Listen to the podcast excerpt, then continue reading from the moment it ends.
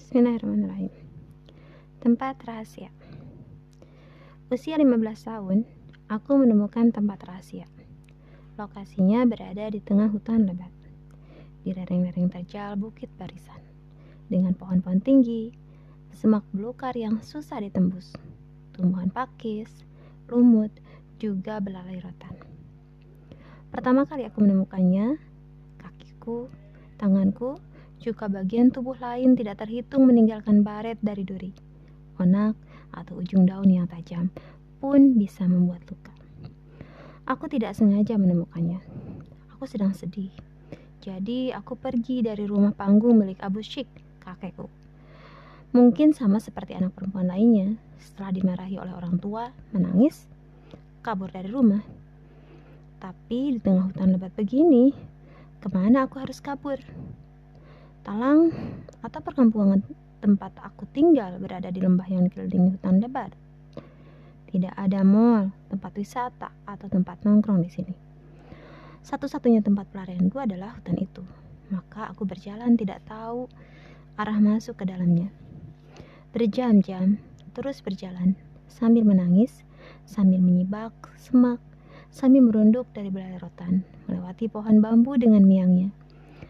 Dua tiga jam tidak terasa, aku tiba di tempat itu. Sepotong oase di hutan lebat. Persis di bibir jurang, ada hamparan tanah datar mirip lapangan kecil. Di tengahnya, pohon manggis liar tumbuh, sedang berbuah, dikelilingi oleh pohon-pohon raksasa lainnya di tepi lapangan. Sisanya hamparan dan kering. Entahlah kenapa ada pohon manggis di sini. Mungkin dulu seekor monyet tidak sengaja membawa buah itu, meledakkan bijinya sembarangan, jatuh di dasar hutan, tumbuh subur. Sejak dulu, hewan-hewan di dalam hutan menyebarkan benih pohon di, ke penjuru rimba, termasuk kawanan gajah.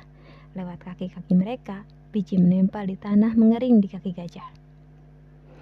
Aku terkesima menatap pohon manggis itu. Lebat sekali. Nyaris setiap dahannya dipenuhi buah besar-besar dan sedang matang. Persis aku tiba, belasan monyet sedang pesta di atasnya. Tentu saja monyet suka dan bisa makan manggis. Mereka bisa memecahkan kulitnya lantas mengambil isinya. Keliru jika bilang monyet tertipu oleh suara manggis. Keliru jika bilang monyet tertipu oleh buah manggis. Monyet-monyet itu berhenti ber serempak balas menatap Aku menyeka pipi. Monyet-monyet itu mulai berisik, kembali ber u a a u a a seperti hendak mengusirku. Satu dua bergelantungan di bawah, di dahan bawah, hendak menyerangku. Enak saja. Aku meraih sepotong batang kayu kering yang tergeletak di dasar hutan, mengangkatnya, berseru, Sinu turun jika monyet-monyet ini mau berkelahi. Aku sedang kesal Memukuli monyet-monyet ini mungkin bisa mengurangi kesalku. Sejenak, setelah berhitung, melihatku yang sama sekali tidak takut, monyet-monyet itu melompat ke pohon lain, pergi. Tapi bukan pohon manggis itu yang membuatku suka tempat itu, melainkan, hei, persis di dekat pohon manggis itu, sebuah pohon tumbang. Sudah lama, mungkin bertahun-tahun lalu. Sebagian melintang ke atas jurang terjal bukit barisan. Pohonnya besar, Mungkin butuh 3-4 orang dewasa saling menghubungkan kedua tangan baru bisa memeluk seluruh pohon. Dahan-dahannya, daun-daunnya telah lama gugur, menyisakan pokoknya yang kering. Aku naik ke atas pohon tumbang itu, duduk menjuntai di sana, menatap ke lembah, pemandangan hebat terhampar. Aku menelan ludah. Aku bisa melihat talang tempat tinggalku nun jauh di bawah sana atap-atap rumah yang terlihat seperti miniatur. Kalian tahu apa itu talang? Itu perkampungan kecil, hanya belasan rumah dengan jarak berjauhan. Didirikan di tengah ladang padi tada hujan, atau kebun kopi, atau kebun karet. Atap-atap rumah, panggungnya terbuat dari anyaman sirap, dindingnya dari papan-papan. Eh, aku menatap sisi kiri lembah. Ternyata ada talang lain di lembah luas ini Jaraknya sekitar 5-6 km. Aku baru tahu, menatapnya tertarik. Ada belasan rumah panggung di talang itu. Satu di antaranya mengeluarkan asap. Sepertinya penghuninya sedang masak menggunakan tungku kayu bakar. Ladang padi tada hujan terlihat di antara rumah-rumah itu, juga kebun sayur. Sebagian besar lagi ladang tidak terawat, digantikan rumput liar. Aku menatap pemandangan lembah dari bawah. Menghela nafas satu kali, dua kali. Meraih buah manggis yang tadi aku pungut dari bawah pohonnya. Membukanya, angin lembah bertiup pelan, memainkan anak rambut. Aku mulai menikmati buah manggis liar. Manis, Pantas saja monyet-monyet itu suka. Sejenak, aku lupa jika beberapa jam lalu Abu Syik memukuliku habis-habisan. Lupa jika punggungku dipenuhi luka, luka bekas pecotrotan. Aku tersenyum, menghabiskan isi buah manggis sambil terus menatap lembah. Menatap dua talang, hamparan ladang tak terawat, bukit barisan, derik serangga, kicau burung, suara hujan, suara hewan di kejauhan terdengar. Hari itu, Secara resmi, aku menjadikan tempat itu sebagai pelarian favoritku. Setiap kali Abu Syik marah-marah, meneriakiku, aku akan berlarian menangis menuju tempat itu. Inilah tempat kaburku. Kau siapa? Enam bulan berlalu, hari-hari melesat cepat. Aku kembali berlarian menuju tempat favorit itu bukan karena Abu Syik habis memukuliku, melainkan karena dia mendadak pagi-pagi sekali pergi. Abu Syik tidak bilang hendak ke mana, tapi dia mengenakan pakaian rapi yang membuatku tahu dia pasti hendak ke kota. Talang kami sangat terpencil, membutuhkan tiga jam lebih berjalan kaki hingga tiba di kota kecamatan atau satu jam jika memakai kendaraan yang telah dimodifikasi bisa melintasi jalanan berkubang lumpur, semak belukar, off-road. Abu Syik pergi, itu artinya aku bebas. Lupakan soal pekerjaan rumah yang harus aku lakukan. Lupakan latihan yang harus aku kerjakan. Jangan lupa latihanmu, Padma. Suruh Abu Syik sebelum dia pergi. Aku mengangguk, sedang menyapu ruang tengah. Hanya itu. Tidak bilang mau ke mana dan kapan pulang. Kakekku berangkat. Persis punggung Abu Syik hilang di ujung ladang kami, aku melemparkan sapuku, lompat menuruni anak tangga, berlarian menuju tempat favoritku. Sudah enam bulan aku menemukan tempat itu. Sudah beberapa kali aku mengunjunginya, jadi aku hafal rute terbaiknya. Tubuhku gesit melewati semak belukar, melompati lubang atau sarang semut, menyelinap di antara pepohonan besar, pun meniti pohon-pohon melintang di jurang untuk mempersingkat jarak. Rambut panjangku bergoyang-goyang di belakang, mengikuti gerak tubuhku. Dua jam, akhirnya tiba di sana. Menyekap peluh di dahi, tersenyum lebar. Ini juga latihan, tepatnya latihan lari. Jadi aku tetap mematuhi perintah Abu Syik tadi. Tanpa ada Abu Syik yang mengawasiku, berteriak, marah-marah, aku bisa menghabiskan sepanjang hari duduk di tempat rahasiaku ini, menikmati buah manggis yang terus berbuah sepanjang tahun, menatap lembah yang hijau. Senyumku terlipat. Ada yang aneh. Ke mana monyet-monyet itu? Biasanya kawanan monyet itu berisik sekali di atas pohon setiap kali aku datang, sebelum aku mengusirnya. Tapi sekarang lengang. Pergi ke mana mereka? Mataku meriksa. Aku termangu, aku melihat seekor monyet yang duduk di tempat kesukaanku. Bukan monyet, itu manusia. Duduk memunggungiku, menatap lembah di bawah sana sambil menikmati buah manggis. Aku menyelidik, mendekat hati-hati tanpa suara sekecil apa pun. Kalian mungkin tidak akan percaya. Sejak usia enam tahun, kakiku terlatih menginjak ranting daun kering tanpa suara. Itu latihan dari Abu Syik. Itu bukan latihan yang mudah. Setiap aku membuat kesalahan, kakiku membuat suara. Abu Syik akan memecut betisku. Tinggal 6 meter, aku bisa melihat lebih jelas monyet. Eh, manusia yang duduk di tempat favoritku itu. Seorang anak laki-laki. Usianya usianya tidak akan berbeda jauh denganku. 15 tahun. Tubuhnya tinggi besar, mengenakan kaos kusam robek, rambutnya berantakan, tanpa alas kaki, sama sepertiku. Dasar menyebalkan. Asik sekali anak itu memakan manggisku, melemparkan kulitnya sembarangan. Aku terus maju, 4 meter, semakin dekat. Aku terus mengendap-endap, 2 meter, Anak laki-laki itu menoleh, menatapku, seketika menghentikan gerakanku. Kami saling bertatapan. Aku terdiam. Bukankah aku tadi sama sekali tidak membuat suara? Kenapa anak laki-laki ini tahu, menoleh? Atau dia kebetulan saja melakukannya? Siapa kau? Aku berseru ketus. Kau siapa? Anak laki-laki itu balas berseru meski tidak ketus. Dia lebih terlihat bingung. Kenapa kau duduk di tempatku? Aku melangkah lebih dekat, melotot. Aku tidak kenal anak ini.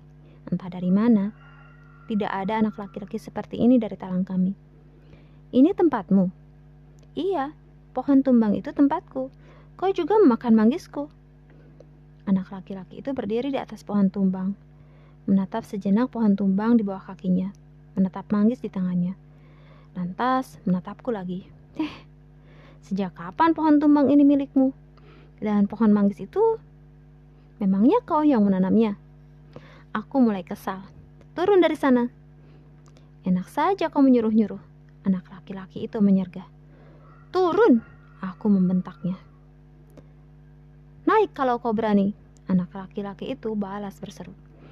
Aku benar-benar kesal sekarang. Anak laki-laki ini tidak sopan. Sudah merebut tempat favoritku. Aku juga menentang. Juga menentangku, menantangku. Tinggi pohon tumbang itu 2 meter. Aku menggentakkan kakiku, lompat ke atasnya. Berhasil. Aku berdiri satu meter berhadap-hadapan dengan anak laki-laki itu. Anak laki-laki itu terdiam. Dia sepertinya tidak mengira jika aku mudah saja menaiki pohon tumbang itu sekali lompat. Dan saat dia masih termangu, tanganku meluncur hendak meninju sekaligus mendorongnya. Buk! Menghantam bahunya. Dia meringis, bukan karena sakit, tapi kaget. Tidak menduga langsung diserang, tapi tidak jatuh Kakinya cepat bergerak menjaga keseimbangan. Aku mendengus, mengejarnya. Puk, puk. Dua tinjuku bergantian datang. Kali ini, anak laki-laki itu lebih siap. Dia menepisnya. Plak, plak. Aku merangsek, tidak memberikan kesempatan. Puk, puk. Anak laki-laki itu terdesak hingga ujung pohon tumbang. Aku menyeringai. Sekali saja dia melangkah mundur, dia akan jatuh ke jurang terjal. Aku sengaja mendesaknya biar tahu rasa. Puk persis aku merasa hampir mengalahkannya, tinju anak laki-laki itu justru menghantam telak bahuku, menyelinap di antara tinju-tinjuku. Aku berseru, gantian kaget. Terlalu asyik menyerang, pertahananku terbuka. Abu Syik pasti marah besar jika tahu. Puk, sekali lagi tinju kirinya mengenai wajahku, membuatku terbanting ke belakang. Aku berteriak kesal, bukan karena sakit. Aku sudah terbiasa menerima pukulan menyakitkan. Aku berteriak karena anak laki-laki itu ternyata bisa berkelahi. Aku terlalu meremehkannya. Puk, puk. Anak laki-laki itu balas menyerangku dengan cepat, membuatku bertahan. Giliran aku yang terpaksa melangkah mundur. Tanganku bergegas menangkis, tubuhku mengalak dari tinjunya. Kiri, kanan, atas, bawah. Cepat sekali serangannya. Kakiku bergerak lincah, kami masih berkelahi di atas pohon tumbang yang sebagian melintang di atas jurang. Itu lokasi berkelahi yang berbahaya. Sekali saja keliru menginjak, fatal akibatnya. Puk, puk, pak. Tangan anak laki-laki itu berhasil menampar pipiku, membuatku meringis. Terbanting lagi satu langkah. Rambut panjangku yang sepinggang berantakan. Nafasku tersengal. Keringat mulai mengucur deras. Anak laki-laki itu menahan sejenak serangannya. Dia juga tersengal, berkeringat. Kami sudah hampir lima menit berkelahi, saling tatap. Apa yang kau lakukan di tengah hutan ini, heh? Dia bertanya. Aku mengikat rambut panjangku, merapikannya, tidak menjawab. Anak perempuan berkeliaran di dalam hutan. Kau seharusnya ada di rumah, memasak, menyapu atau menjahit. Dia berseru ketus. Dasar monyet, aku balas berseru ketus. Kali ini aku benar-benar marah. Anak laki-laki ini sudah mengambil tempatku, memakan manggisku, sekarang menghinaku. Anak perempuan, Abu Syik akan benar-benar marah jika tahu ada ada yang menghina cucunya. Aku berlari merangsek, tidak ada ampun, saatnya memukuli anak laki-laki ini. Puk, puk, anak laki-laki itu telah siap meladeniku. Tinju-tinjuku kembali terlontar, dibalas tinju-tinju anak laki-laki itu jual beri serangan. Sesekali tinjuku menghantam tubuhnya, sekali giliran tinjunya. Sesekali aku meringis, berseru, sekali giliran dia yang berteriak mengadu.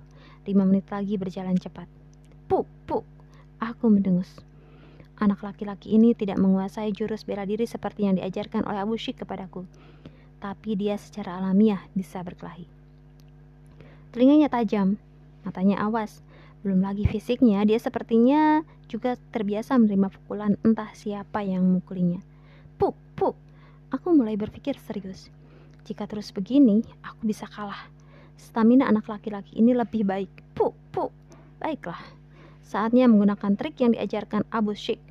Aku berteriak. Balas merangsek maju. Tinjuku terang-terangan. Anak itu bersiap menangkis, seperti dugaanku. Dasar bodoh. Anak laki-laki ini benar-benar tidak tahu trik berkelahi. Di bawah, kakiku bergerak lebih dulu. Plak! Menendang kakinya. Anak laki-laki itu berseru tertahan. Tidak menduganya, tidak sempat menghindar. Tubuhnya seketika kehilangan keseimbangan. Puk, puk. Aku meninggu, meninju tubuhnya yang setengah jatuh. Tanpa ampun, berhasil. Tubuh lawanku bersiap meluncur dari pohon tumbang. Sekejap, sebelum jatuh ke bawah sana, anak laki-laki itu ternyata berhasil mengentakkan salah satu kakinya yang masih menginjak batang pohon.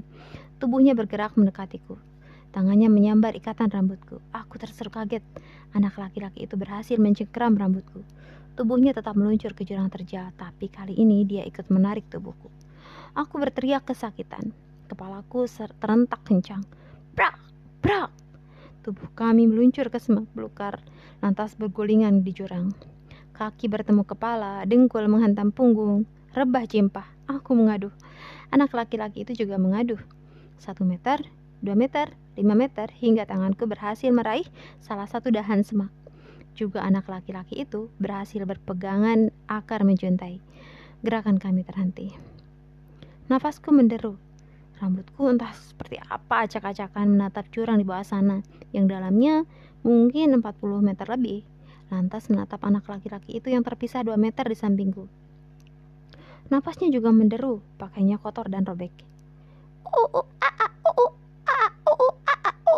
Kawanan monyet bertepuk tangan di atas pepohonan. Ternyata monyet-monyet itu sejak tadi menonton perkelahian. Monyet-monyet itu tidak pernah pergi jauh dari pohon manggis. Aku menghembuskan nafas, berusaha mengendalikan diri. Sekarang ada yang lebih penting dibanding berkelahi dengan anak laki-laki ini. Aku harus naik ke atas sebelum jatuh betulan. Lima menit kemudian, kami berhasil melangkah naik, kembali ke lapangan kecil di bibir jurang, menepuk-nepuk pakaian yang kotor, dedaunan di rambut. Perkelahian kami berhenti sejenak. Kau tidak apa-apa, heh? Aku bertanya meski tidak seketus sebelumnya. Kau tidak apa-apa? Dia balik bertanya. Jika dilihat sekilas, kami berdua baik-baik saja. Bagaimana kau menemukan tempat ini, heh? Bagaimana kau menemukan tempat ini? Dia kembali balik bertanya. Dasar monyet. Kenapa anak laki-laki ini sejak tadi suka sekali mengulang kalimatku? Aku hampir berseru meneriakinya, tapi batal, memutuskan menjawab lebih baik. Aku menemukan tempat ini tidak sengaja. Enam bulan lalu, saat berjalan di hutan. Aku juga menemukan aku juga menemukannya tidak sengaja enam bulan lalu saat berjalan di hutan. Kami saling tatap, masih awas, siapa tahu lawan akan melanjutkan perkelahian. Apa yang kau lakukan di sini? Berjalan sendirian di dalam hutan. Giliran anak laki-laki itu bertanya. Aku suka saja sendirian di hutan. Aku berbohong. Tidak mungkin aku cerita jika aku menangis dipukuli Abu Syik.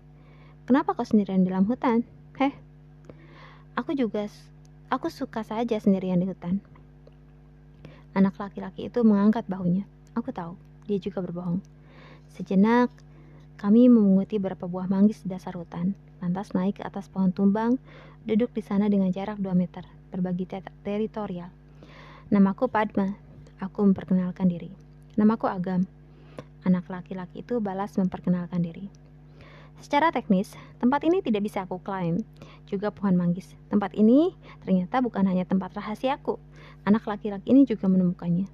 Entahlah, siapa di antara kami berdua yang pertama kali menemukannya enam bulan lalu. Maka kami memutuskan berbagi tempat. Selama ini kami tidak pernah bertemu karena selalu berselisih hari saat mengunjungi tempat ini. Saat anak laki-laki itu datang, aku tidak ke sini. Dan sebaliknya, saat aku datang, dia ada di talangnya. Hari ini akhirnya kami bertemu. Itu rumahku. Agak menunjuk. Yang mana? yang atapnya sirap. Dasar bodoh. Semuanya atap sirap. Agam menelan ludah. Benar juga. Yang ada pohon besar di belakangnya. Aku mengangguk. Hanya ada satu rumah dengan pohon besar dekatnya. Akhirnya aku tahu.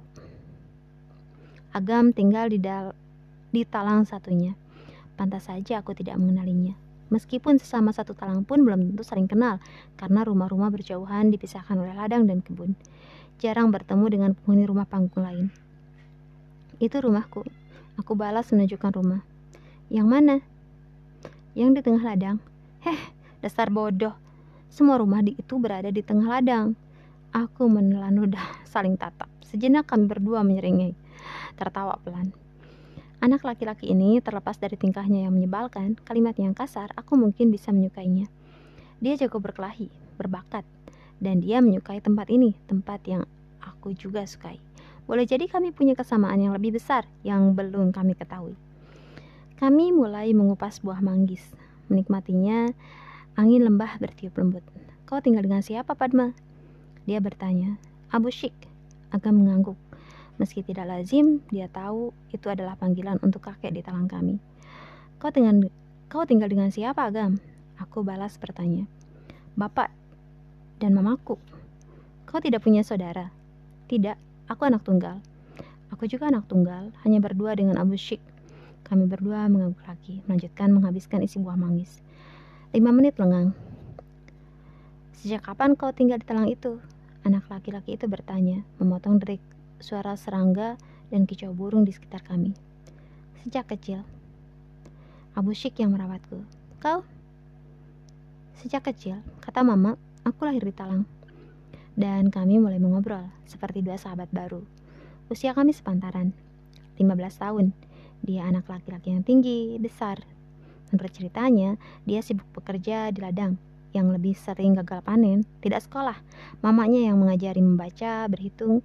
Aku balas bercerita. Aku anak perempuan. Tubuhku juga terhitung tinggi, hanya berbeda beberapa senti darinya. Rambutku panjang. Aku juga sibuk membantu Abu Syik mengurus pekerjaan rumah. Sejak kecil aku yatim piatu. Kakekku yang merawatku juga mengajariku membaca, berhitung.